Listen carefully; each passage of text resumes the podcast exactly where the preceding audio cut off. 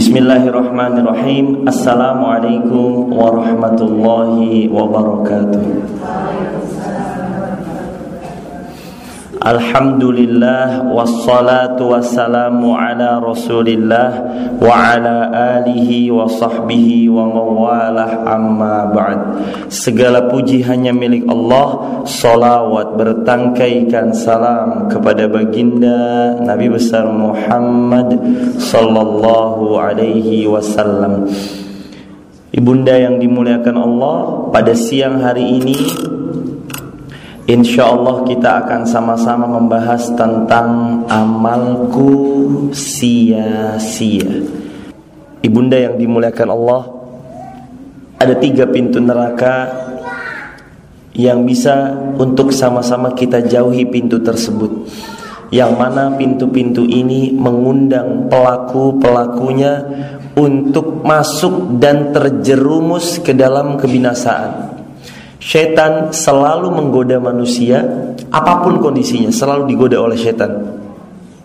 Dan tatkala kita digoda oleh setan karena sifat setan itu sifatnya membisik-bisikan Alladzi yuwaswisu fi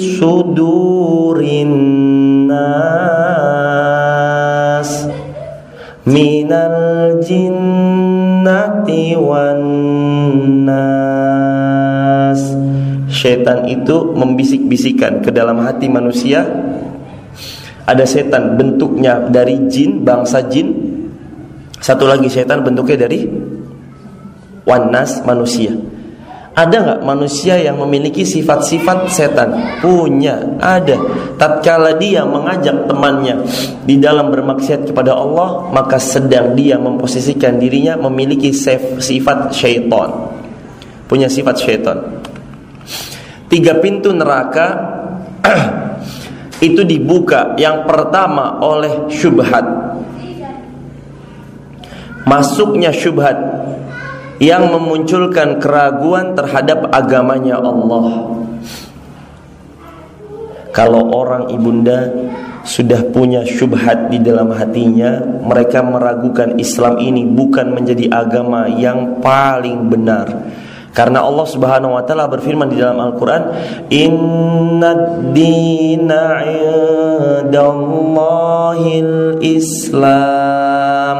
Sesungguhnya agama yang diridhoi di sisi Allah hanyalah Islam. Gak boleh orang mengatakan semua agama sama saja. Semua agama menghantarkan kepada surganya Allah. Semua agama bertujuan memasuki surganya Allah. Maka ketahuilah kalau ada orang berkata demikian Dia adalah orang yang bingung. Kenapa bingung?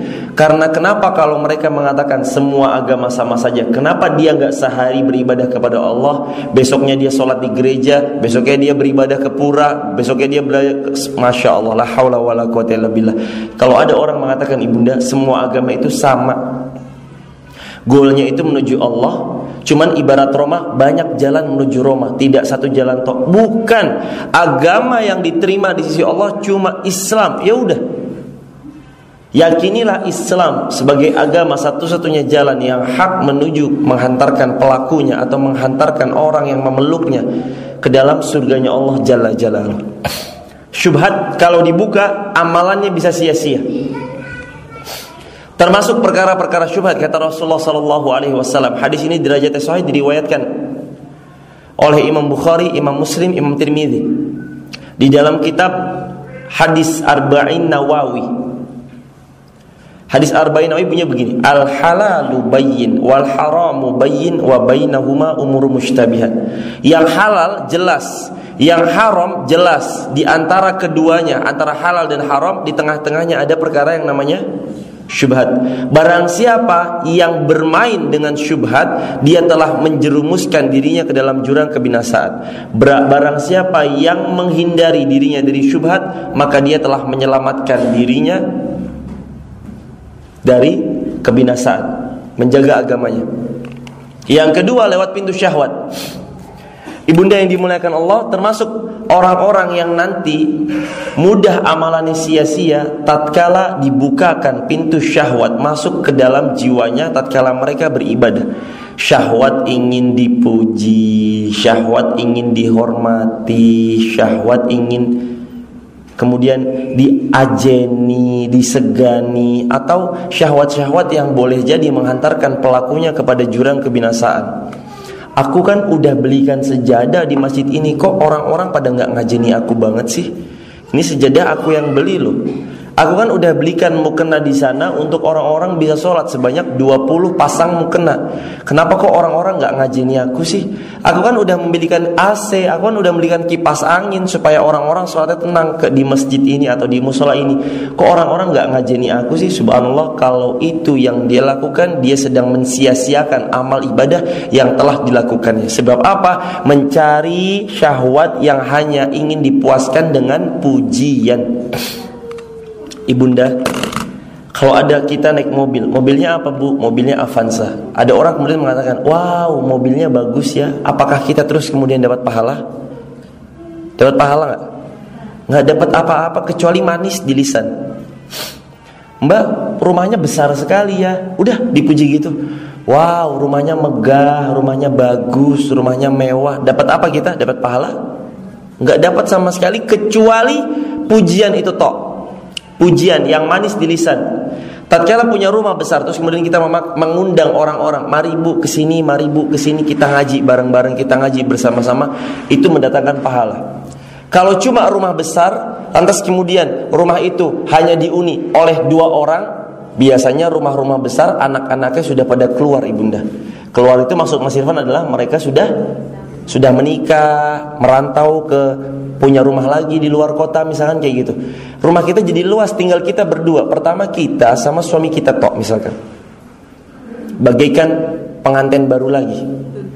Ibunda jamaah yang dimulakan Allah, kalau kita kemudian punya harta tak enggak sama sekali kita pakai untuk di dalam kebaikan kepada Allah Subhanahu wa taala, hanya hanya untuk mensia-siakan bahkan cenderung mubazir sifatnya menghambur-hamburkan harta yang tiada manfaat di jalan Allah semua ditanyai di hari akhir besok Bukankah kaki kita tidak bergerak dengan empat pertanyaan? Yang pertama, la tazulu qadama 'abdin yaumal qiyamati hatta yus'alu an umrihi fi ma'afnah. Tentang umurnya dipakai buat apa? Yang kedua tentang apanya? Wa an ilmihi fi maf'al. Ilmunya diamalkan untuk apa? Yang ketiga ini loh. Wa an malihi min aina iktasabah tentang hartamu kau dapat dari mana harta tersebut wa fima anfaqah dan kau kemanakan harta itu kamu belanjakan maka tentang harta ditanyai kalau ibu punya rumah besar rumahnya fasilitasi RT ibunda untuk ngaji di rumah ibunda. Mas Irfan, kami punya aula. Aula itu diamanahkan oleh pewakaf supaya diramaikan. Terus gimana Mas Irfan? Ngaji di aula nggak apa-apa. Kami punya masjid dan kami bernekat ber, ber, bertekad untuk menjadikan masjid itu menjadi masjid yang hidup. Kami ngajinya di sana Mas Irfan nggak pakai rumah saya terus gimana? Nggak apa-apa, silahkan. Tapi seenggaknya kalau kita sudah punya niat untuk menjadikan harta yang kita miliki bentuknya dua kan harta uang fisik Kesehatan pun juga harta, harta termahal. Fisik bentuknya bisa macam-macam, ada rumah, ada mobil, ada kendaraan. Jadikan motor yang kita tumpangi nggak hanya ke pasar doang. Keterangan orang ini naik motor, keterangan pasar, pasar, pasar, pasar, belanja, belanja, belanja, belanja, kulaan, kulaan, kulaan, kulaan. Ya Allah, eman, eman. Motor keterangan mana? Pasar, belanja, kulaan, majelis taklim, hadiri kajian ilmu, kajian tafsir, kajian Quran, kajian hadis, belanja, kulaan, belanja lagi ke pasar, hadir majelis ilmu. Subhanallah, bangga ibu kalau punya catatan amal besok di akhirat seperti itu ibunda. Ada seorang laki-laki nanti di akhirat ditemui dengan catatan amal di tangan kirinya. Dia masuk masjid cuma tiga kali. Kapan dia? Jumatan, Jumatan pas disolatkan Satu lagi ngapain? Keterangannya buang air, buang air, buang air. La haula wala quwata illa billah. Mampir ke masjid cuma untuk buang air. Tok nggak menunaikan sholat di situ. La haula wala quwata illa billah. Ibunda jamaah yang dimuliakan Allah, maka kalau harta yang kita miliki bisa mendatangkan kebaikan, fasilitasi orang-orang untuk mendapatkan kebaikan.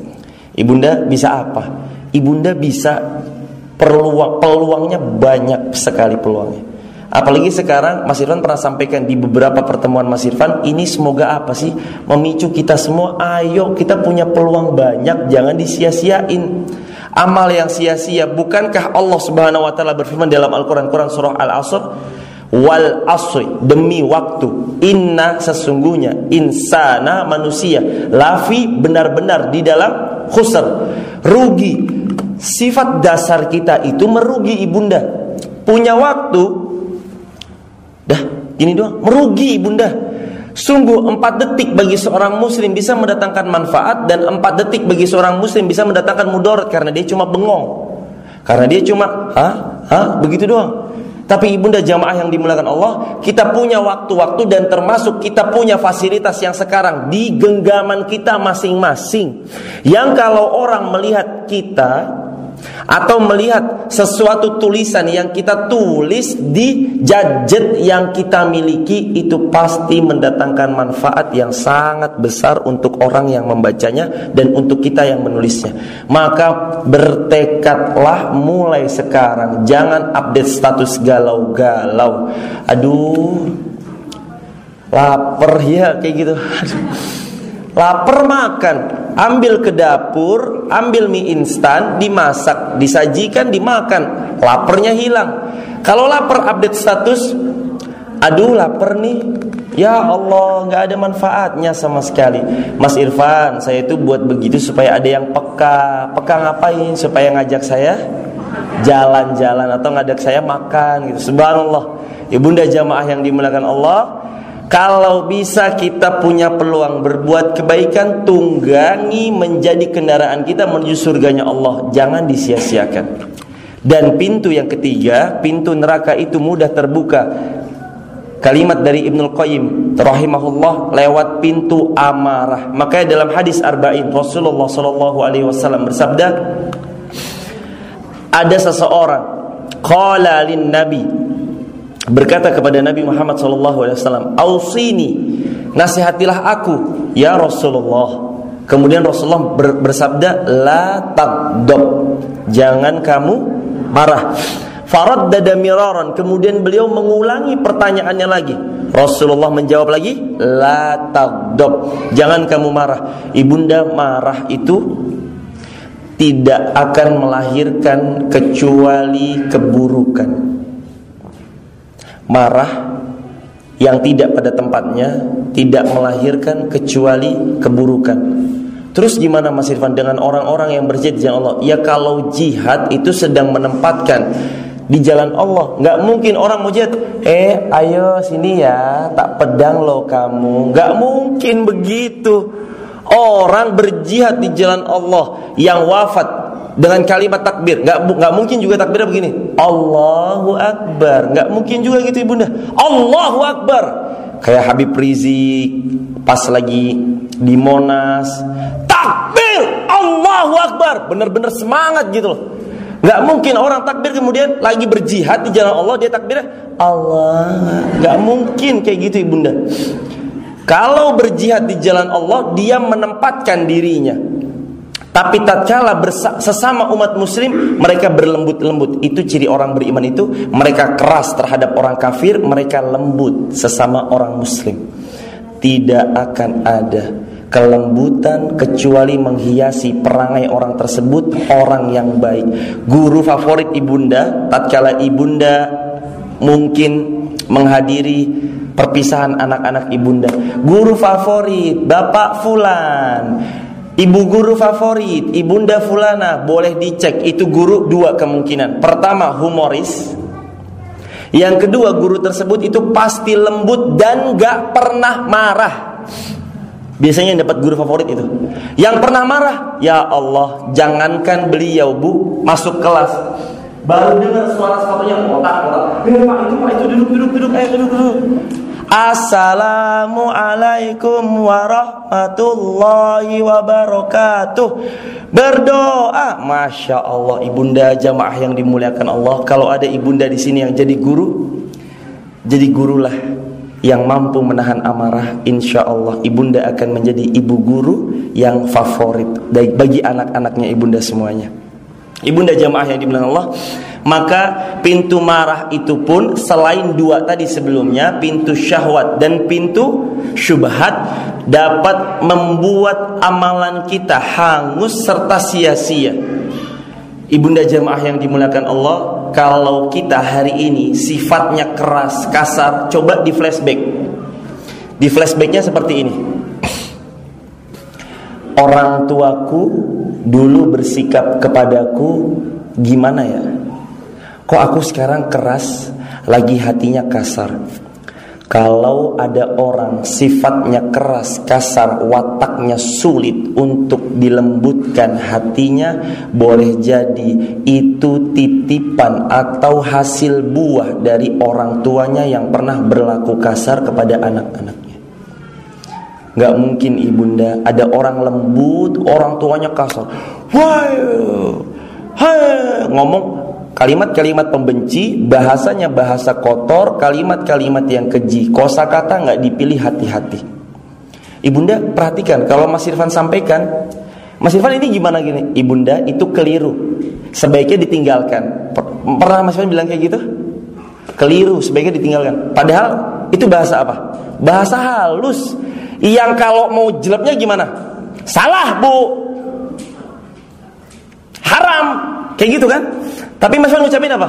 Itu keliru ibunda Sebaiknya ditinggalkan Bukankah memilih kosakata di dalam Islam Maksudnya buat kita pribadi juga Itu sangat dianjurkan memilih kosakata Jangan sampai kita memilih kosakata Yang itu bisa melukai hati orang yang mendengarkannya Ibunda ada hadiah dari Mas Irfan Ibu handphone nih Mas Irfan bungkus. Yang pertama, Mas Irfan ngasih begini. Ibunda ini hadiah buat ibunda. Set. Diterima. Terima kasih Mas Irfan. Akan sangat dengan senang hati tatkala memberikannya dengan santun. Ini sifatnya hadiah, kebaikan. Tahadu tahabbu, saling memberi hadiahlah kalian maka kalian akan saling mengkasihi. Tatkala hadiah ini dibungkus dengan bungkusan yang sama rapinya, isinya handphone yang sama mahalnya Mas Irfan lempar bu nih buat ibu. Oh dilempar kayak gitu. Itu hadiah bu. Orang pasti nggak terima dan bahkan tersinggung. Kenapa? Karena cara memberikannya tidak santun. Makanya kebenaran itu dua konsepnya. Kebenaran itu pertama baik pertama kebenaran itu pertama benar yang kedua baik cara menyampaikannya Ibunda menyampaikan kebenaran, tapi ibunda tidak baik cara menyampaikannya. Eh, ada orang softnya misalkan nggak rapat dalam sholat, tapi cara benerinnya begini. Cara benerin sholatnya, eh kaki rapetin, eh kaki rapetin. La haula wala quwwata illa billah bukan cara yang santun. Bisa dengan apa? Dipegang pundak beliau, monggo mbak dirapatkan. Bagi yang perempuan dengan perempuan, yang laki-laki dengan laki-laki, mari pak, mari mas dirapatkan sebentar. Enggak dengan, hei rapetin. Orang pasti punya rasa tersinggung tatkala kita menyampaikan kebaikan tapi tidak benar dan tidak baik caranya. Maka kebenaran itu dua ibunda. Yang pertama benar yang disampaikan, yang kedua baik cara menyampaikannya. Masuk lewat pintu marah termasuk di antara perkara yang bisa mendatangkan perbuatan amal ibadah kita menjadi sia-sia. Karena apa? Karena amarah. Dan ibunda mudah bagi seorang putra maupun putri mengadopsi, menciplak. Ciplak, ibunda punya kertas, bawa bawa pensil, taruh koin gope. Gope itu 500. Koin 500, atasnya tutupin kertas HVS, diukir kayak gini Nanti terciplak tuh di kertas itu hasil ukiran dari pensil 500 rupiah sama persis plek. Seperti itulah putra putri kita bisa mengadopsi kita. Melihat kita di rumah bagaimana. Melihat orang tuanya bagaimana. Orang tuaku pemarah, mudah bagi dia timbul rasa marah. Orang tuaku lembut, penyabar. Aku main, gak pernah diomelin ibunda. Satu waktu Waktu Mas Irfan kecil ada lemari yang ayahanda kami punya. Lemari itu lemari kaca. Lemari kaca, lemarinya cukup lumayan mahal dari ya kurang lebih ukir-ukiran jati. Saya kecil pulang SD. Waktu itu, waktu saya ngaca di lemari situ, ada nyamuk nempel di kaca itu. Saya tep cermin itu ada nyamuknya nempel, saya tepok nyamuk itu. Wah, Rumpiang, subhanallah. Saya ketakutan ayah saya akan mengomeli saya sebab saya memecahkan kaca lemari yang beliau sayangi lemarinya. Pulang ayah saya. Ini kenapa begini? Gak marah sama sekali. Itu yang membuat saya terkenang dan teringat sampai sekarang. Gak kemudian, kamu gak tahu ya, Papa belinya mahal. Oh, dicewolin. Gak pernah sama sekali. Oh iya nggak apa-apa. Besok hati-hati ya. Besok besok wis udah kaca baru lagi. Dibelikan cermin baru lagi di lemari tersebut. Ibunda, kita akan mudah teringat kebaikan orang tua kita manakala beliau tidak mudah marah. Walaupun kita tahu bahwa saya diri kita salah. Dan saya ketakutan. Pada saat itu saya ketakutan. Bentuk ketakutan kita adalah itu bahwa saya kita bersalah gitu loh. Kita salah, makanya kita takut. Tapi tatkala pulang, Gak apa-apa. Allah, apa perasaan anak? Udah ketakutan. Tapi orang tuanya mengatakan, gak apa-apa. Ini bisa diganti kok. Subhanallah, luar biasa topnya gitu loh ibunda. Maka hari ini ibunda punya Gucci. Belinya di Amerika Mas Irfan 15 juta. Wow, bawaan bawanya di pesawat luar biasa sangat hati-hati. Anak main bola di dalam, rompiang, lantas kemudian pecah. Hei, nggak tahu Gucci mama beli mahal-mahal. Ibunda Gucci bisa dibeli lagi. Tapi hati anak yang telah terluka, apakah ada obatnya? Ada nggak obatnya? Kalau dia sudah terluka, dia teringat selama-lamanya. Kalau dia pernah dibuat baik oleh orang tuanya, dia juga teringat selama-lamanya. Maka ibunda jamaah yang dimulakan Allah, semarah apa pun kita, seaktif apa pun putra putri kita, sehiperaktif apa pun putra dan putri kita, usahakan sabar. Mas Irfan namanya Irfan Rizki bin Nuryanto bin Ramin bin Sirim bin Abdullah. Tapi Mas Irfan menamai diri Mas Irfan sebagai Pak Sabar. Kenapa Ibunda? Karena kalau namanya Pak Sabar, apa pun ujian yang datang dia sikapi dengan sa sabar. Ibunda namai diri ibunda dengan Bu Sabar. Iya Mas Irfan nama saya Bu Sinta. Iya Ibu Sinta, Ibu Sabar. Ibu Fulana Bu Sabar. Karena ibunda mohon dibantu jawab. Kalau namanya Bu Sabar, anaknya hiperaktif nakal bukan main, ya tetap sabar. Karena Bu Sabar. Usahain sabar. Ini yang tadi Ibnul Qayyim mengatakan, maaf, Ibnul Qayyim mengatakan ini yang tadi tentang tiga manusia memasuki lewat tiga pintu ini dan yang satunya lagi ibunda seluruh inti perbuatan dosa dicakup dengan tiga Imam Ibnul Qayyim rahimahullah mengatakan yang pertama sifat sombong. Rasulullah Shallallahu alaihi wasallam bersabda, "Al-kibriya'u batorul haq wa gomtun nas." Sombong itu pertama menolak kebenaran wa gomtun nas dan merendahkan orang lain itu sombong. Sombong sumber dari keburukan membuat amal kita bisa sia-sia. Ibunda yang pernah haji, ibunda yang pernah umroh, ada tetangga ngajak, ibu sholat ibu, ngapain sholat? Saya udah umroh, saya udah haji, Sholat di Mekah kan 100 ribu kali lipat. Di Madinah 1000 kali lipat. Ente sholat 20 tahun juga nggak bakal bisa nyaingin sholat saya yang di Mekah. Masya Allah La hawla wa la quwata illa billah. Sombong sekali ada orang seperti itu. Ibunda jamaah yang dimuliakan Allah. Kalau ada orang dihinggapi rasa sombong di dalam dirinya, pastikan di dalam dirinya pasti menolak kebenaran dan mengabaikan atau merendahkan orang lain. Loh Mas Irfan bukannya sombong itu pakai mobil mewah? Itu bukan sombong. Ada sahabat datang mengadu kepada Rasulullah Ya Rasulullah saya punya baju baru. Saya punya pakaian-pakaian yang baru. Saya pakai untuk sholat menghadap Tuhan saya Allah subhanahu wa ta'ala.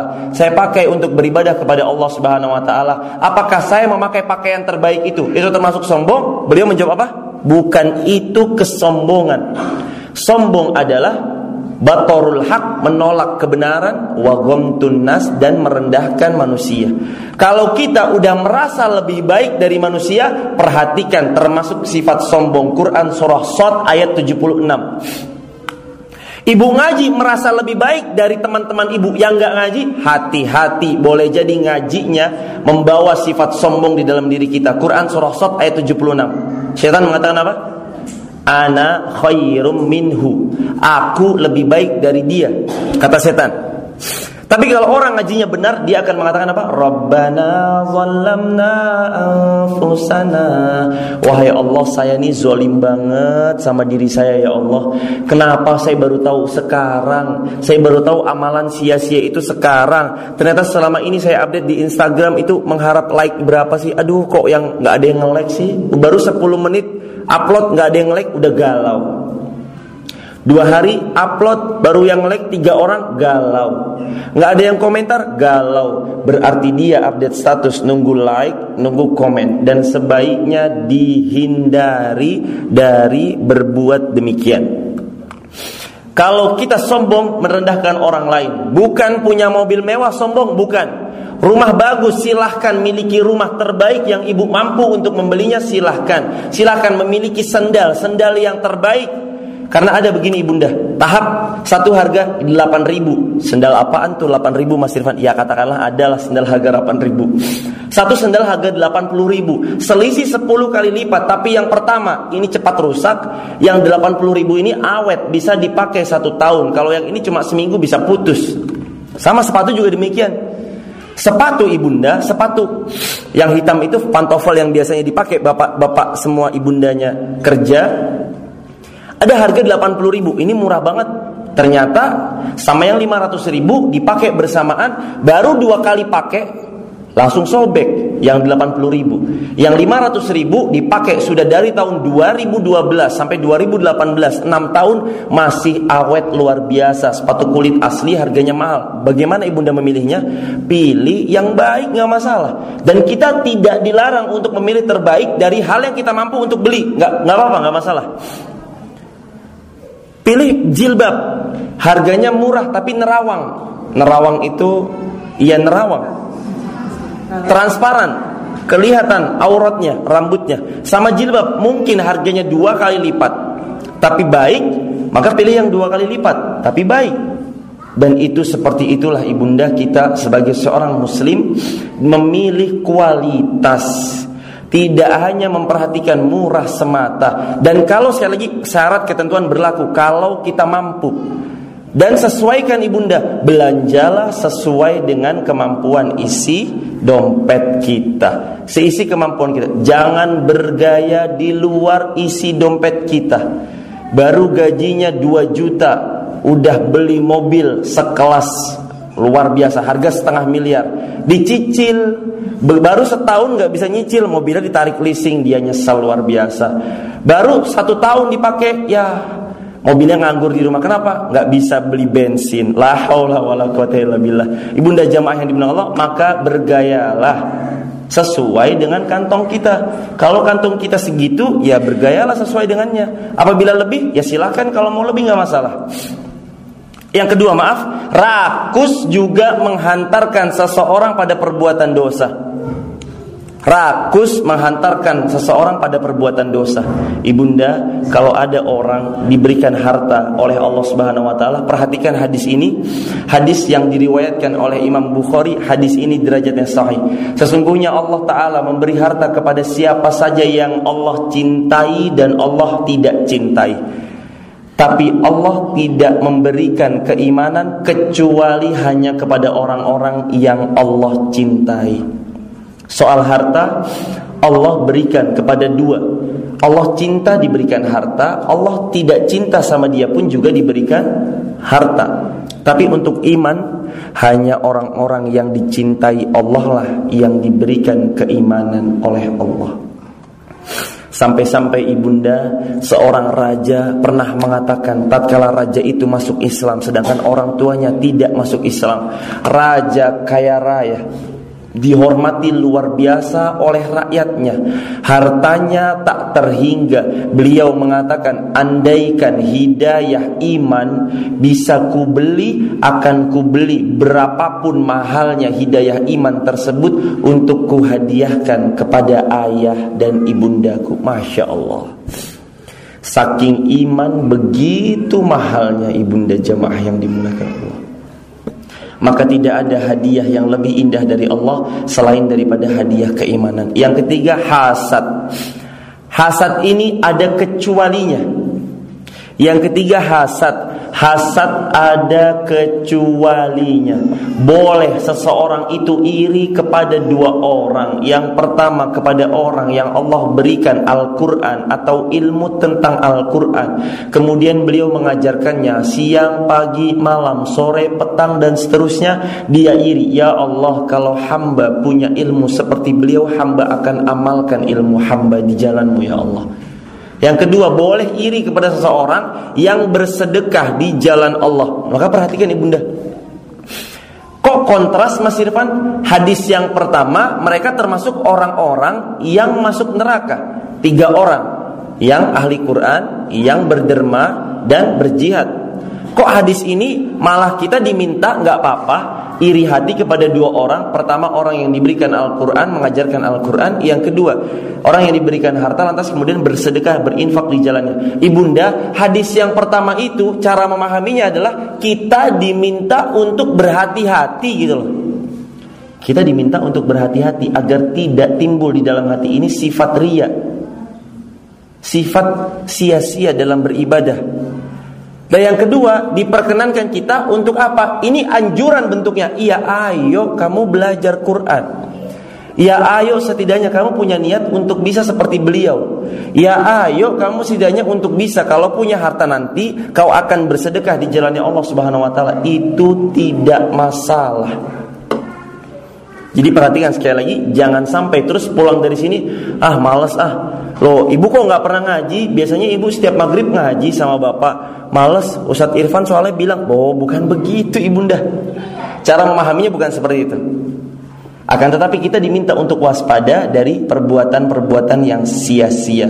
Tapi kita tetap dimotivasi, kita tetap dimotivasi supaya bisa sampai menjadi orang yang berderma, menjadi orang yang berjihad di Allah serta menjadi orang-orang yang pandai membaca Al-Qur'an serta mengajarkan kepada orang lain plus juga mengamalkannya. Maka ibunda jamaah yang dimuliakan Allah Berilmulah sebelum beramal Berilmulah sebelum beramal Dan ibunda yang dimuliakan Allah Tidak ada ilmu yang kalau dia amalkan ilmu itu akan berbuah semakin segar buah tersebut semakin banyak orang mendapatkan manfaat dari ilmu yang disampaikan. Kalau ibunda habis ngaji ibunda nyatet ibunda buat rangkuman silahkan masing-masing dirangkum. Habis dirangkum diapain Mas Irfan? Disebarkan di grup WhatsApp yang ibunda punya nggak masalah silahkan saya rangkum pelajaran kajian siang hari ini. Amalku sia-sia. Ternyata satu, dua, tiga, empat Hadis ini adalah memberitahu kita agar kita senantiasa takut terhadap amal kita itu tidak diterima oleh Allah. Makanya karena takut amal kita tidak diterima oleh Allah, kita beramal sebanyak-banyaknya, sebaik-baiknya serta mengupayakan hati kita agar ikhlas serta sesuai dengan tuntunan Rasulullah Shallallahu alaihi wasallam. Berilmulah sebelum beramal. Jangan sampai kita beramal nggak tahu ilmunya. Quran surah Al-Isra ayat 36-nya wala takfu. Jangan kamu ikut. Yang kamu nggak punya ilmu di dalamnya. Ibunda jamaah yang dimuliakan Allah kalau ibunda diminta sholat eh, ibu hadir sholat yuk. Ke masjid mana? Ke masjid ini masjid A. Sholat berapa rakaat? Sholat 100 rakaat. Baik nggak sholat bu? Sholat baik nggak? Mas Irfan tanya sholatnya baik nggak? Sholatnya baik. Sholat sebanyak 100 rakaat pada hari Selasa Pon setiap ba'da Isya. Baik nggak kira-kira. Kenapa nggak baik ada tuntunannya atau tidak dari Rasulullah Shallallahu Alaihi Wasallam. Kalau ada tuntunannya, bentuknya sholat 100 rakaat Selasa Pon Ba'da Isya silahkan dilakukan. Ini pentingnya berilmu sebelum beramal. Setiap kita harus memperhatikan jangan sampai amal kita menjadi amal yang sia-sia lantas kemudian kita berupaya mendalami ilmu tentang sesuatu yang nanti kita amalkan. Dan ibunda jamaah yang dimuliakan Allah termasuk kalau ibunda masih punya orang tua yang masih hidup sampai detik ini. Sekali-sekali ibunda, ibunda sowan ke rumah beliau, serta sekali-sekali ibunda, ibunda traktir beliau makan. Orang tua ditraktir makan anaknya, oh luar biasa senangnya bukan main.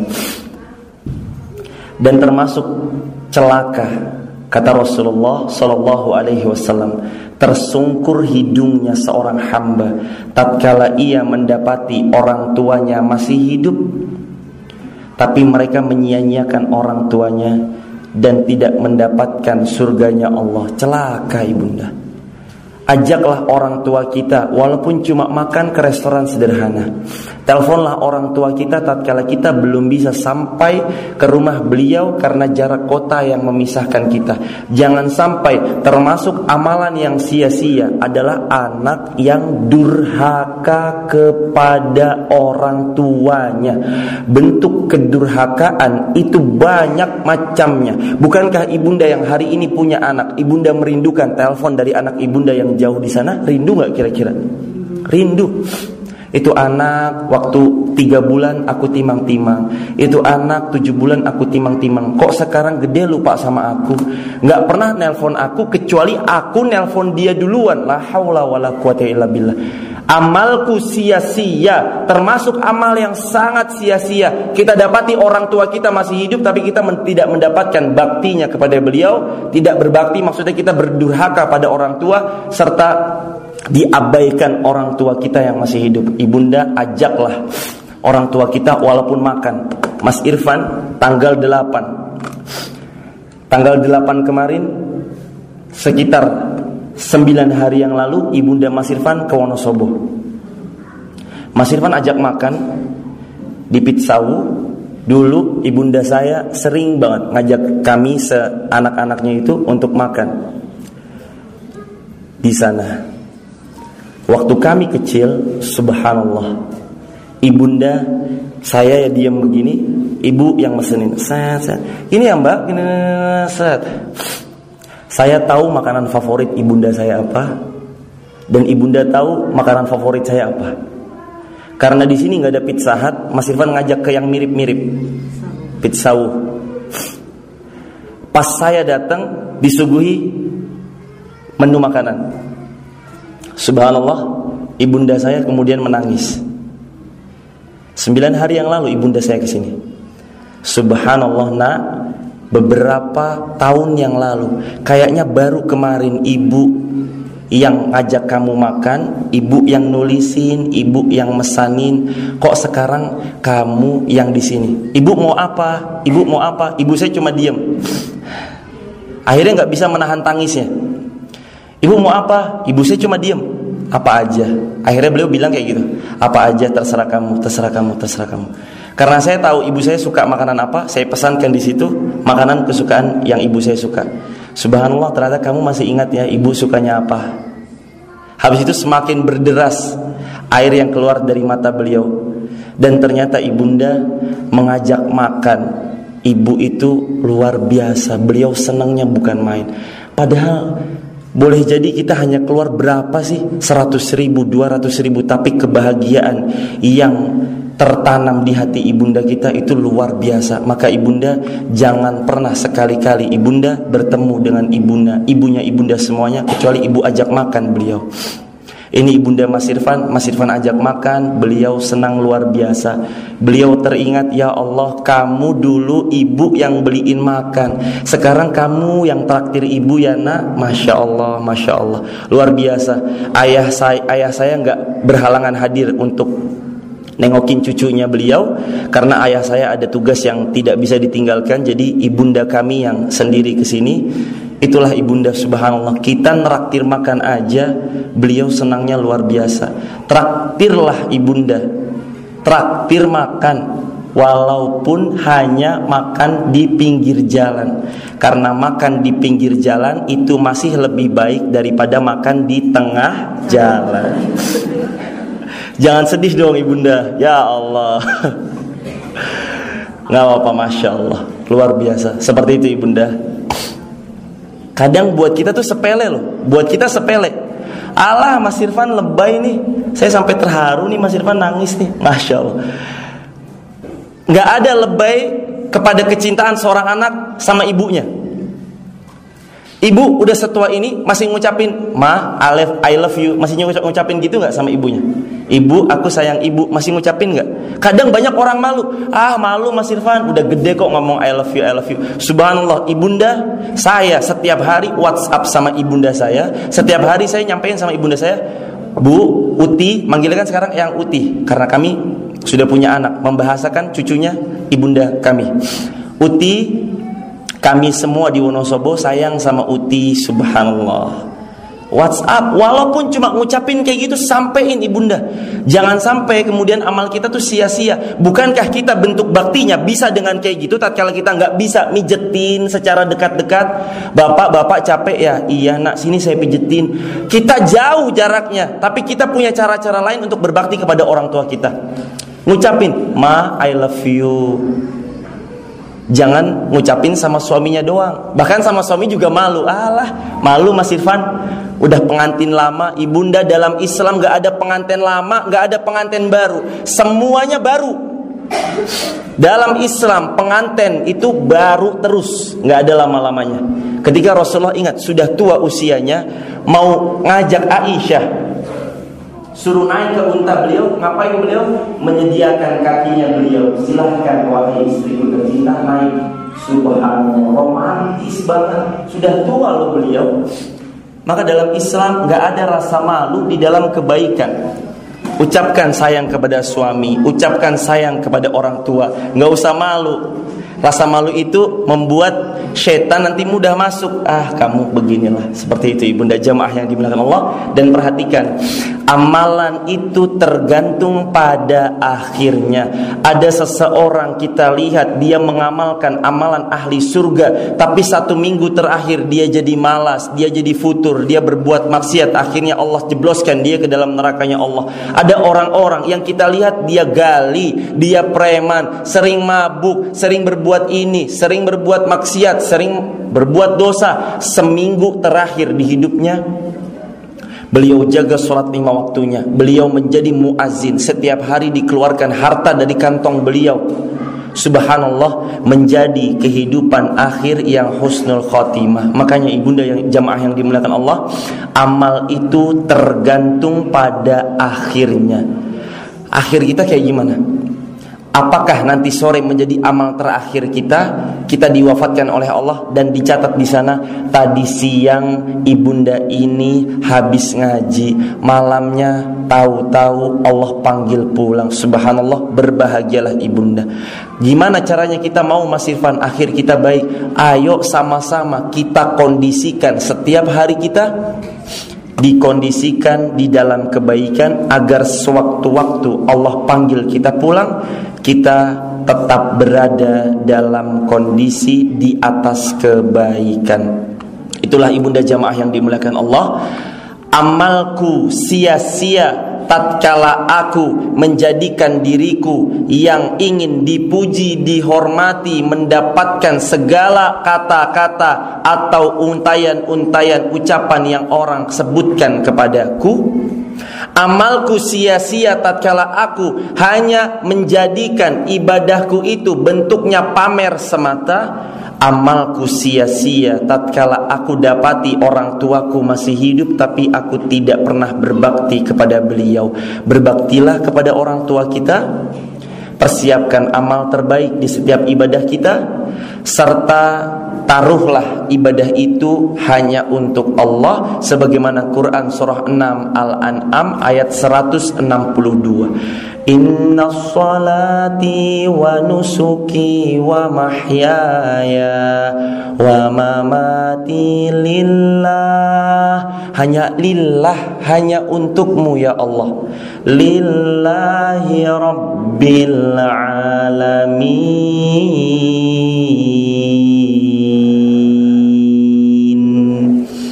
inilah kajian kita ibunda amalku sia-sia kita tutup dengan berdoa kepada Allah Subhanahu wa taala. Astaghfirullah, astaghfirullah, astaghfirullah.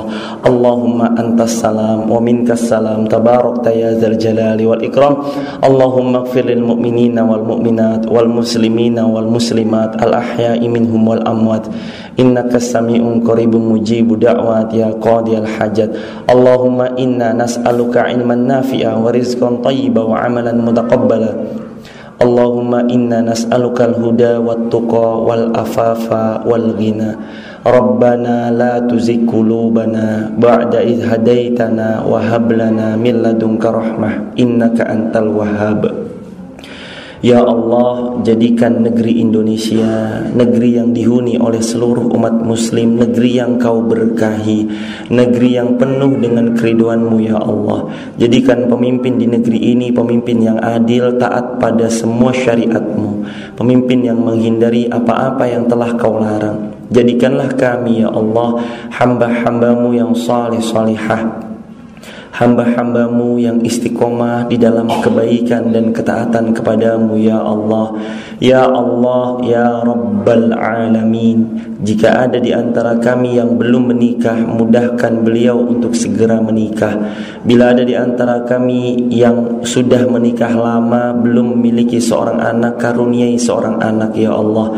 Bila ada di antara kami mungkin pernah menikah kemudian berpisah beri ganti dengan pasangan yang lebih baik ya Allah Bila ada di antara kami ibunda umat muslim yang sedang mengandung Mudahkan persalinan beliau ya Allah. Jadikan keluarga kami keluarga sakinah, mawaddah, warahmah Yang kau karuniakan pada kami anak-anak, cucu-cucu Serta turunan yang salih salihah keturunan yang hafal Quran dengan baik 30 juz, keturunan yang mampu menghafal hadis dengan baik, mereka menjadi anak-anak yang bermanfaat untuk sebanyak-banyaknya orang. Ya Allah, sayangi kedua orang tua kami ya Allah sebagaimana mereka menyayangi kami sepanjang masa ya Allah. Bila ada ya Allah orang tua kami yang mungkin masih non-Islam, mudahkan beliau untuk kembali kepada agamamu yang hak ini ya Allah. Wahai Allah, mudahkan kami untuk berumrah ataupun berhaji ya Allah. Sungguh sangat ingin kami dan sangat merindukan tempat itu ya Allah. Wahai Engkau zat penggenggam jiwa, nyawa kami berada dalam genggamanmu ya Allah. Wafatkanlah kami dalam keadaan bebas hutang ya Allah. Wafatkanlah kami dalam keadaan mati syahid ya Allah. Serta wafatkan kami dalam keadaan husnul khatimah. Rabbana atina fid dunya hasanah Wa fil akhirati hasanah Wa qina azaban nar Walhamdulillahi rabbil alamin. Amalku sia-sia Inilah kajian kita siang hari ini. Semoga mendatangkan manfaat Untuk kita sekeluarga. Amin ya rabbal alamin Titip salam ibunda untuk ayahanda dan untuk keluarga di rumah. Semoga Allah senantiasa meridoi dan memberkahi keluarga kita semuanya. Amin ya rabbal alamin. Doa kafaratul majlis. Subhanakallahumma wa bihamdika Ashhadu an la ilaha illa anta astaghfiruka wa atubu ilaih. Jangan lupa ajak ibunya makan. Atau ajak ibunya ngaji juga masya Allah luar biasa. Assalamualaikum warahmatullahi wabarakatuh. Bismillahirrahmanirrahim. Assalamualaikum warahmatullahi wabarakatuh Alhamdulillah wassalatu wassalamu ala Rasulillah wa ala alihi wa sahbihi wa mawalah amma ba'd. Segala puji hanya milik Allah. Salawat bertangkaikan salam kepada baginda Nabi besar Muhammad sallallahu alaihi wasallam. Ibunda yang dimuliakan Allah Pada siang hari ini Insya Allah kita akan sama-sama membahas tentang amalku sia-sia. Tema kajian kita yaitu amalku sia-sia.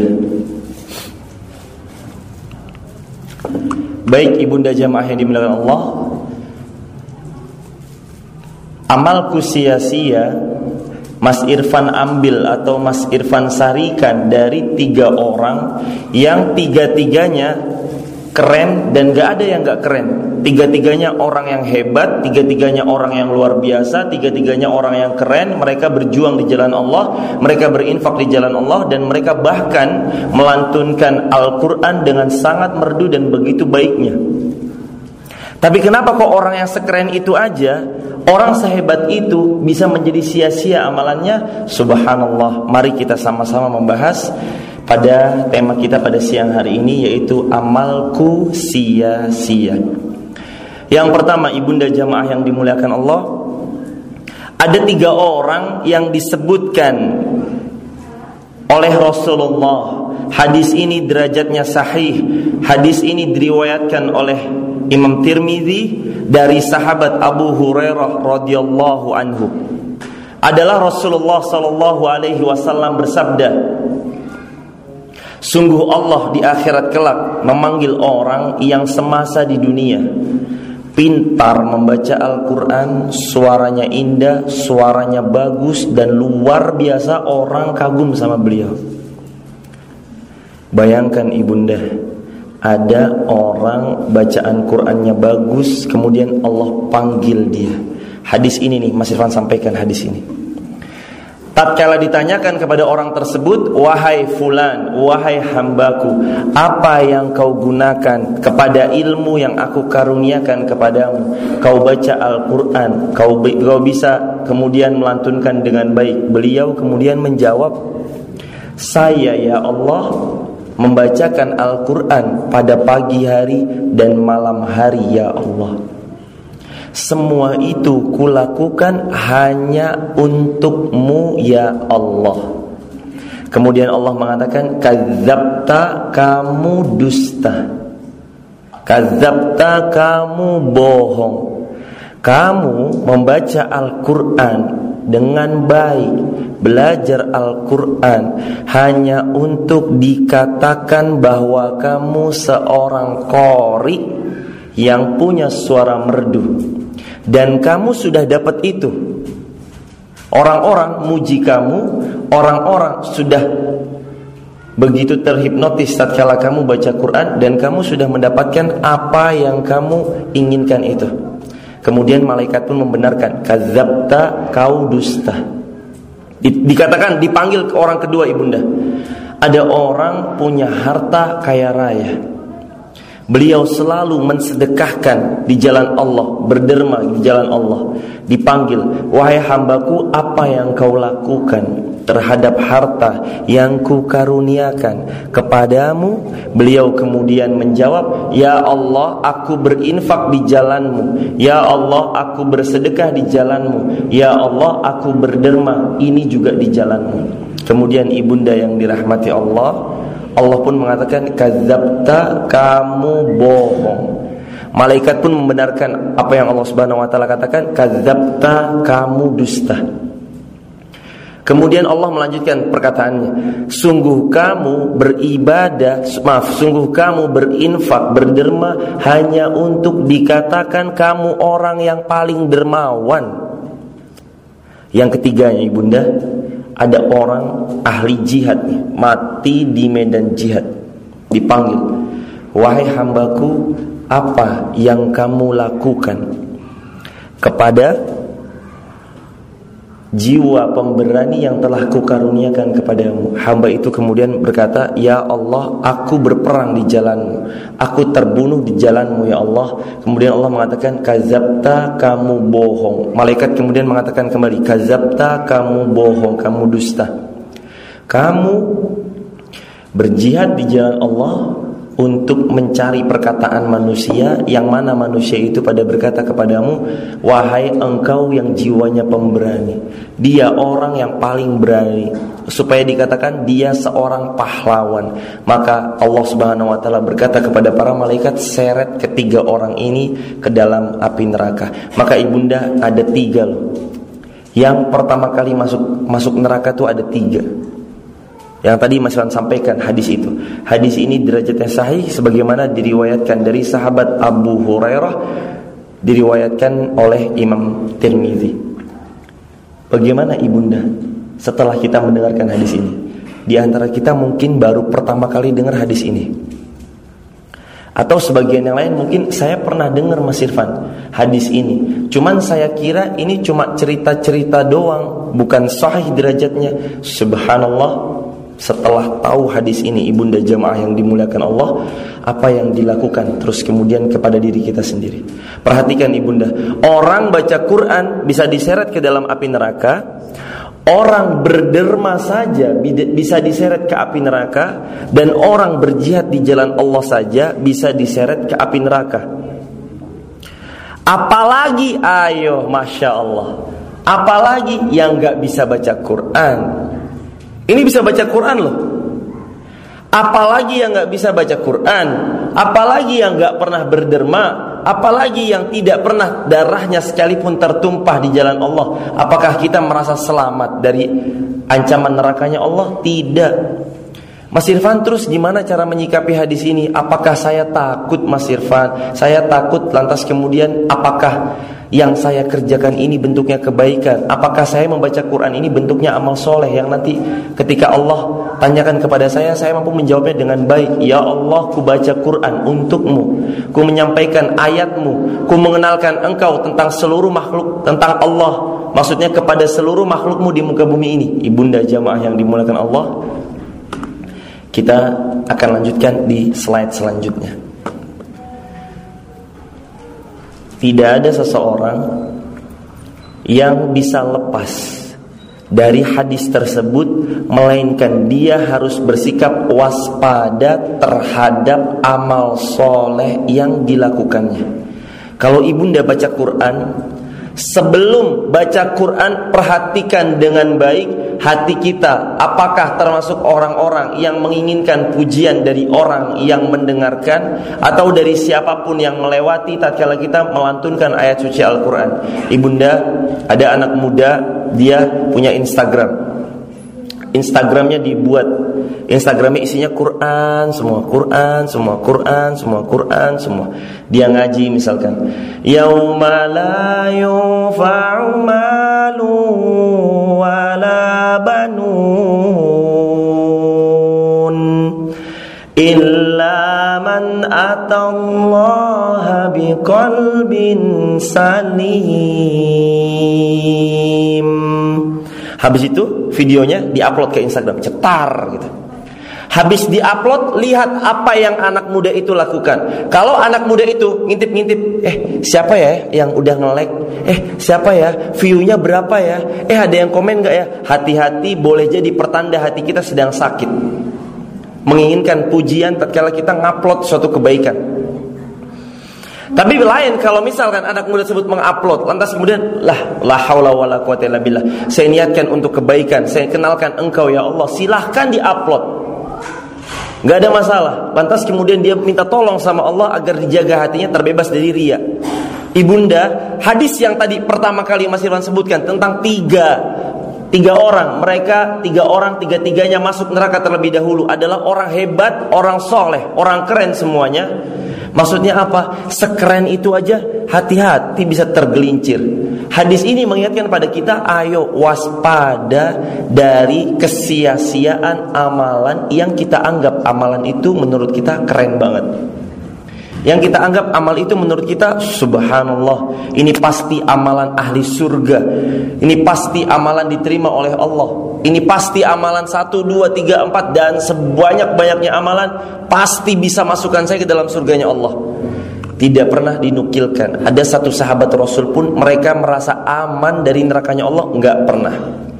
Gak pernah dinukilkan. Umar bin Khattab merasa aman? Gak apa-apa. Saya kan udah bergaul sama Rasulullah. Saya kan teman karibnya Rasulullah. Saya kan kalau bertemu Saya mencari teman duduk Saya berdiskusi selalu dengan Rasulullah. Gak apa-apalah saya mah santai aja dalam beribadah karena saya pasti dijamin masuk surga. Gak pernah para sahabat Nabi mengatakan demikian. Padahal mereka orang yang paling dekat dengan Rasulullah Sallallahu Alaihi Wasallam. Maka ibunda tiga orang yang apabila maaf bukan tiga orang tiga ciri yang apabila ciri-ciri ini terdapat di dalam diri kita mungkin kita termasuk orang-orang yang sedang hatinya sakit sebab ria. Memperlihatkan amal baik berharap dipuji. Share kebaikan eh yang lihat videonya udah berapa? Eh yang komen udah berapa? Berharap komen dari seseorang pak pastikan ibunda kita update status kebaikan bentuknya nggak pernah berharap komen dari orang. Kita update status betapapun baiknya nggak berharap like jempol dari orang-orang. Yang penting kita update. Upload upload silahkan. Nggak ada masalah. Dan bertawakal minta tolong sama Allah. Bahwasanya ya Allah jaga hatiku supaya bisa terbebas dari perbuatan ria Tiga ciri yang pertama, apabila sendirian dia menjadi pribadi yang pemalas. Apabila berada di tengah orang banyak, ia semakin bertambah semangat di dalam beribadah. Salat di depan orang banyak dikeren-kerenin bacaannya. Dibaguskan suaranya. Allahu akbar. Alhamdulillahi Rabbil Alamin. Ar-Rahmanir-Rahim Maliki Yawmiddin. Iyaka na'budu wa iyaka nasta'in. الصراط المستقيم. صراط الذين أنعمت عليهم غير المغضوب عليهم ولا الضالين.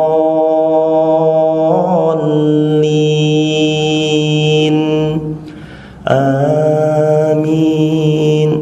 ما شاء الله. Di depan orang banyak dilantunkan dengan begitu baiknya tatkala beliau sholat. Tapi tatkala beliau sholat sendirian Bismillahirrahmanirrahim Dolin amin Bismillahirrahmanirrahim Allahu Akbar Allahu Akbar Allahu Akbar. Depan orang banyak Allahu Akbar Masya Allah. Sendirian Allahu Akbar Allahu Akbar. Assalamualaikum Assalamualaikum Masya Allah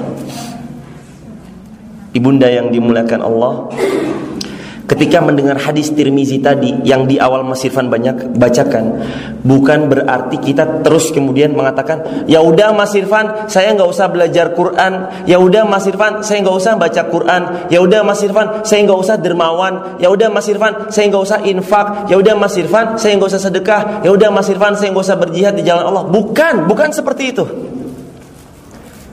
Tapi kita dengan hadis itu diingatkan, wahai orang yang masih punya iman di dalam hati mereka, ayo yuk jangan pernah merasa enak. Mentang-mentang suaranya sudah bagus, mentang-mentang sudah bisa baca Quran, mentang-mentang sudah bisa hafal Quran malah terus kemudian kita merasa aman padahal tidak ada seorang pun yang bisa menjamin dirinya merasa aman bahkan seorang sahabat Nabi pun bahkan Nabi Muhammad SAW sendiri Beliau sendiri saja nggak pernah kok merasa aman. Pernah Aisyah melihat Nabi Muhammad SAW sholat malam sampai kakinya bengkak. Ibunda di antara kita belum ada sholat sampai kakinya bengkak ada? Nggak ada. Mas Irfan kakinya saya bengkak Mas Irfan ke dokter Kenapa bengkaknya? Karena sakit misalkan gula. La haula wala quwata illa billah. Itu bukan bengkak karena sholat tapi bengkak karena karena penyakit. Semoga Allah sembuhkan sesegera mungkin. Amin ya rabbal alamin. Kalau ada di antara kita semua yang sedang tertimpa penyakit tersebut. Semoga Allah sembuhkan. Tapi ibunda jamaah yang dibilang Allah, Rasulullah Sallallahu Alaihi Wasallam beliau sholat sampai kakinya bengkak. Aisyah kemudian mengatakan, Ya Rasulullah, bukankah engkau dimaafkan oleh Allah? Bukankah engkau dijamin surga oleh Allah? Bukankah telah ada bagimu ya Rasulullah dijamin oleh Allah terbebas dari kekeliruan? Rasulullah jawab apa?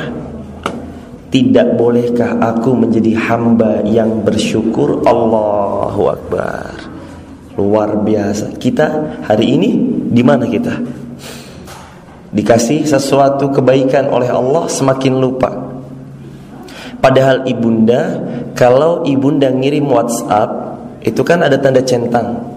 Kalau sudah dibaca tandanya warnanya warnanya biru, berubah jadi warna biru.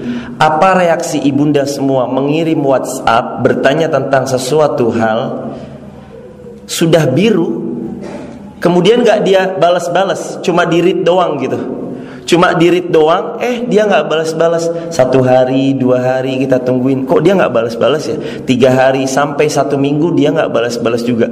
Apa reaksi kita? Pasti kecewa. Ibunda Allah datang setiap harinya. Allah langsung yang turun ke langit dunia. Maaf ke langit dunia. Adakah di antara hamba-hambaku yang mereka punya hajat? Sini aku kabulkan hajatnya Hal minta ib adakah di antara hamba-hambaku yang ingin bertaubat kepadaku? Aku terima tobatnya Apakah ada di antara hamba-hambaku yang ingin mohon ampun beristighfar kepadaku? Kemarilah aku ampuni segala dosa-dosanya. Subhanallah. Allah udah pengen japri kita tuh Cuman kita setiap malam selalu lewat Disuruh tahajud lewat. Tadi pagi subuh jam 4.24 Kita bangun jam 4.00 Ada waktu 24 menit. Untuk menunaikan tahajud Kita lupa. Bangun, ngapain nih pas bangun? Nyalain kompor, masak air.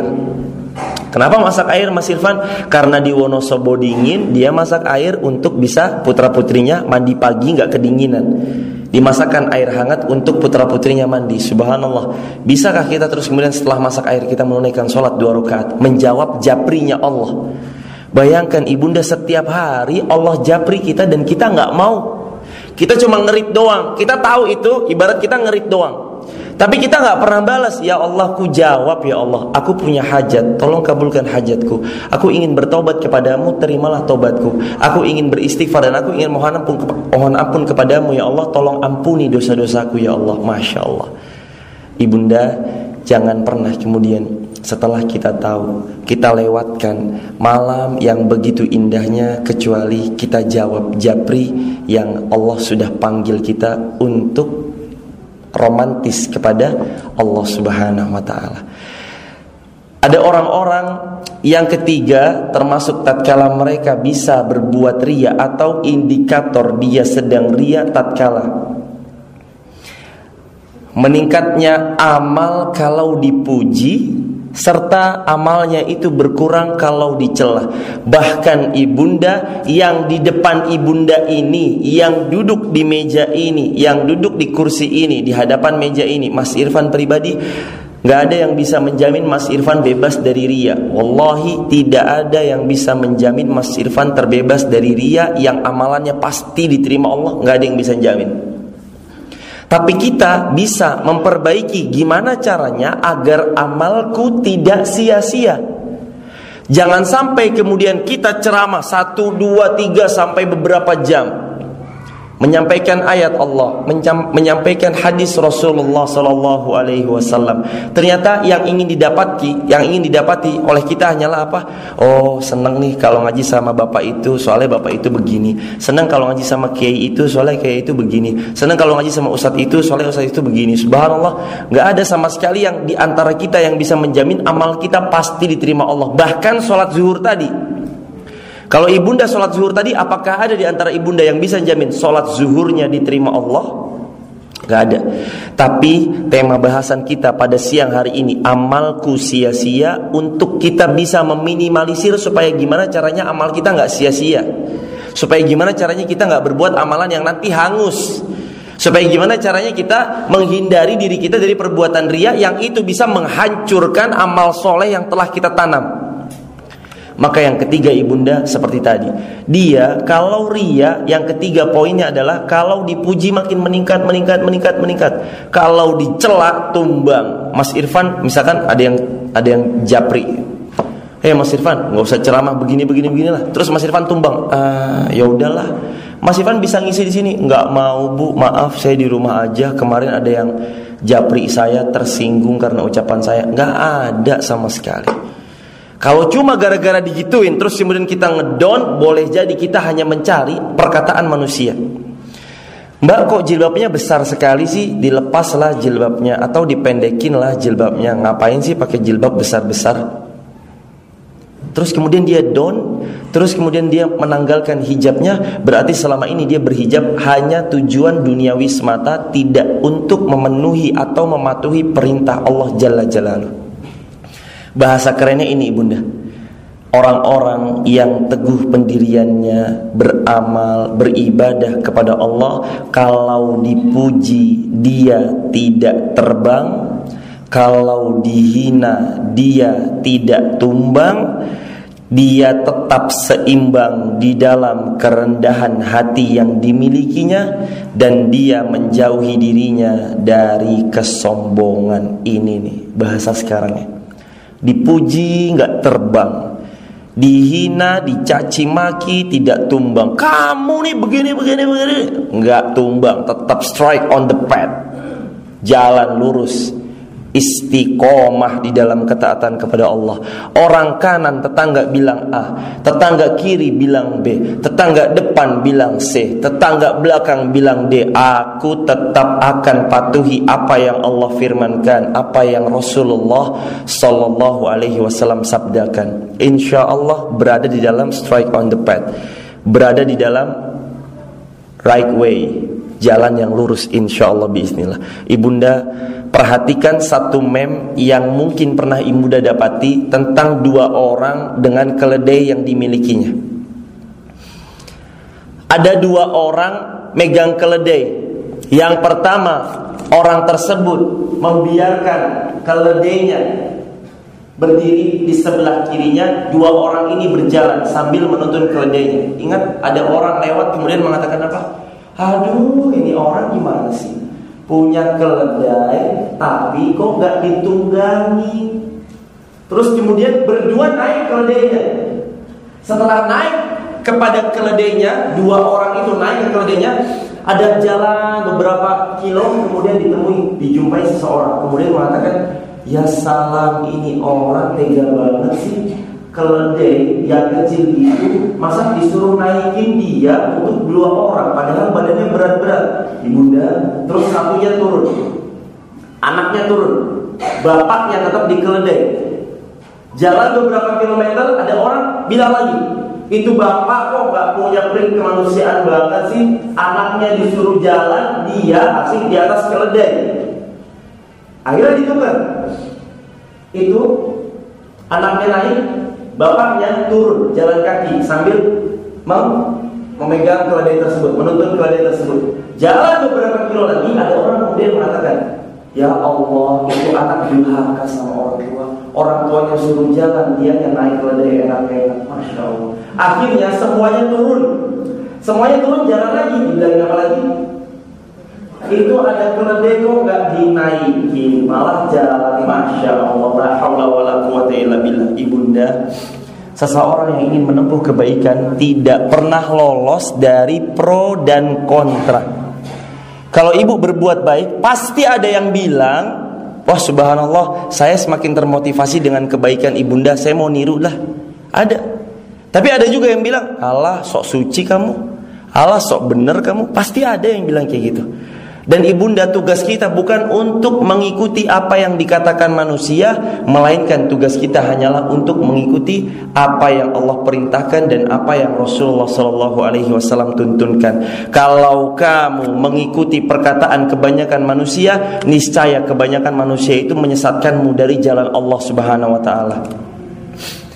Maka ibunda syarat kalau ibadah maaf Syarat kalau ibadah kita mau diterima Allah agar tidak menjadi ibadah yang sia-sia cukup dua hal syarat utamanya.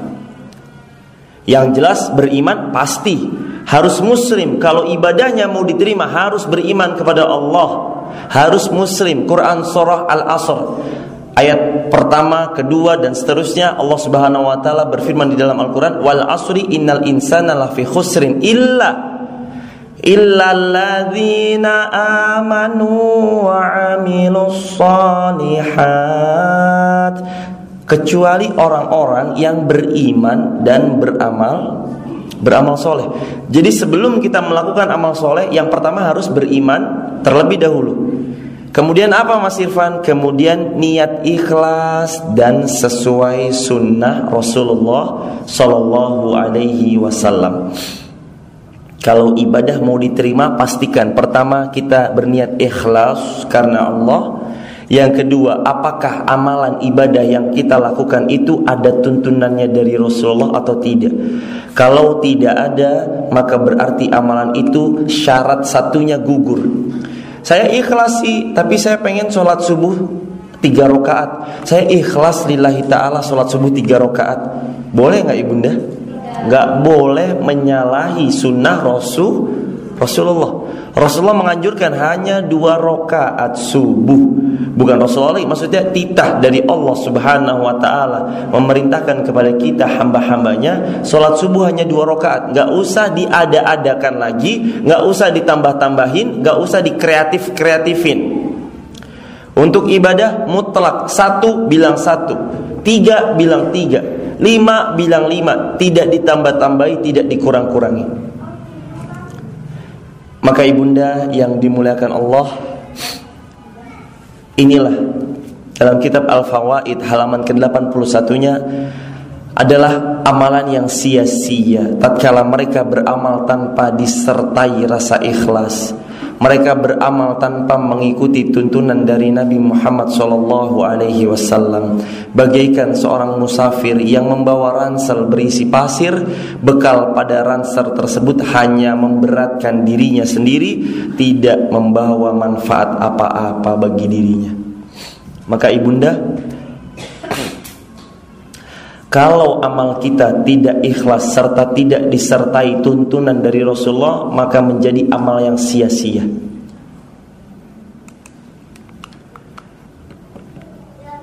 Ibunda yang dimuliakan Allah, ada tiga pintu neraka yang bisa untuk sama-sama kita jauhi pintu tersebut. Yang mana pintu-pintu ini mengundang pelaku-pelakunya untuk masuk dan terjerumus ke dalam kebinasaan. Setan selalu menggoda manusia, apa pun kondisinya, selalu digoda oleh setan. Dan tatkala kita digoda oleh setan, karena sifat setan itu sifatnya membisik-bisikan, Alladhi waswisu fi sudurin nas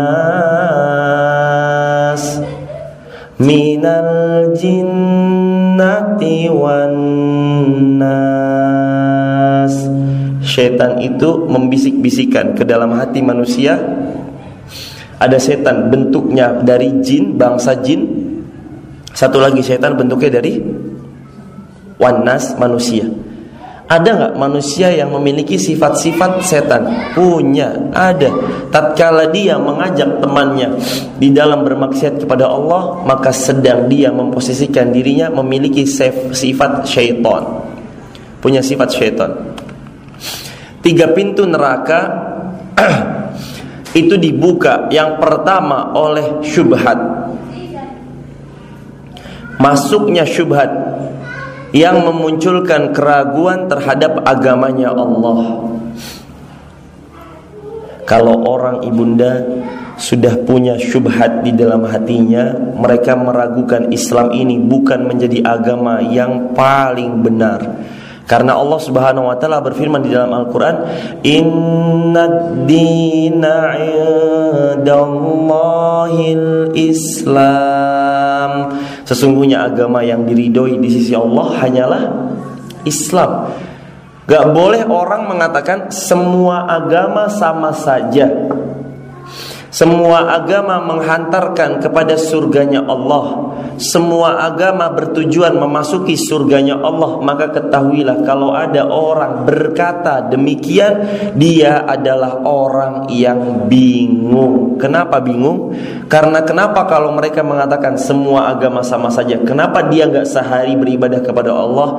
Besoknya dia sholat di gereja besoknya dia beribadah ke pura besoknya dia belajar masya Allah la haula illa kalau ada orang mengatakan ibunda semua agama itu sama Goalnya itu menuju Allah. Cuman ibarat Roma banyak jalan menuju Roma, tidak satu jalan tok. Bukan agama yang diterima di sisi Allah cuma Islam. Ya udah. Yakinilah Islam sebagai agama satu-satunya jalan yang hak menuju menghantarkan pelakunya atau menghantarkan orang yang memeluknya ke dalam surganya Allah Jalla Jalaluhu. Syubhat kalau dibuka amalannya bisa sia-sia. Termasuk perkara-perkara syubhat kata Rasulullah sallallahu alaihi wasallam. Hadis ini derajatnya sahih diriwayatkan oleh Imam Bukhari, Imam Muslim, Imam Tirmizi. Di dalam kitab Hadis Arba'in Nawawi. Hadis Arba'in Nawawi punya begini, al halalu bayyin wal haramu bayyin wa bainahuma umur mushtabihat. Yang halal jelas, yang haram jelas. Di antara keduanya, antara halal dan haram, di tengah-tengahnya ada perkara yang namanya syubhat. Barang siapa yang bermain dengan syubhat, dia telah menjerumuskan dirinya ke dalam jurang kebinasaan. Barang siapa yang menghindari dirinya dari syubhat, maka dia telah menyelamatkan dirinya dari kebinasaan, menjaga agamanya. Yang kedua lewat pintu syahwat. Ibunda yang dimuliakan Allah termasuk orang-orang yang nanti mudah amalannya sia-sia tatkala dibukakan pintu syahwat masuk ke dalam jiwanya tatkala mereka beribadah. Syahwat ingin dipuji, syahwat ingin dihormati, syahwat ingin kemudian diajeni, disegani atau syahwat-syahwat yang boleh jadi menghantarkan pelakunya kepada jurang kebinasaan. Aku kan udah belikan sejadah di masjid ini Kok orang-orang pada nggak ngajeni aku banget sih Ini sejadah aku yang beli loh Aku kan udah belikan mukena di sana untuk orang-orang bisa sholat sebanyak 20 pasang mukena. Kenapa kok orang-orang nggak ngajini aku sih? Aku kan udah membelikan AC, aku kan udah membelikan kipas angin supaya orang-orang sholatnya tenang ke di masjid ini atau di musola ini. Kok orang-orang nggak ngajini aku sih? Subhanallah, kalau itu yang dia lakukan, dia sedang mensia-siakan amal ibadah yang telah dilakukannya. Sebab apa? Mencari syahwat yang hanya ingin dipuaskan dengan pujian. Ibunda, kalau ada kita naik mobil, mobilnya apa bu? Mobilnya Avanza. Ada orang kemudian mengatakan, wow mobilnya bagus ya. Apakah kita terus kemudian dapat pahala? Amalku sia-sia. Inilah kajian kita siang hari ini. Semoga mendatangkan manfaat untuk kita sekeluarga. Amin ya rabbal alamin. Titip salam ibunda untuk ayahanda dan untuk keluarga di rumah. Semoga Allah senantiasa meridhoi dan memberkahi keluarga kita semuanya. Amin ya rabbal alamin. Doa kafaratul majlis. Subhanakallahumma wa bihamdika asyhadu an la ilaha illa anta astaghfiruka wa atubu ilaih. Jangan lupa ajak ibunya makan. Atau ajak ibunya ngaji juga masya Allah luar biasa. Assalamualaikum warahmatullahi wabarakatuh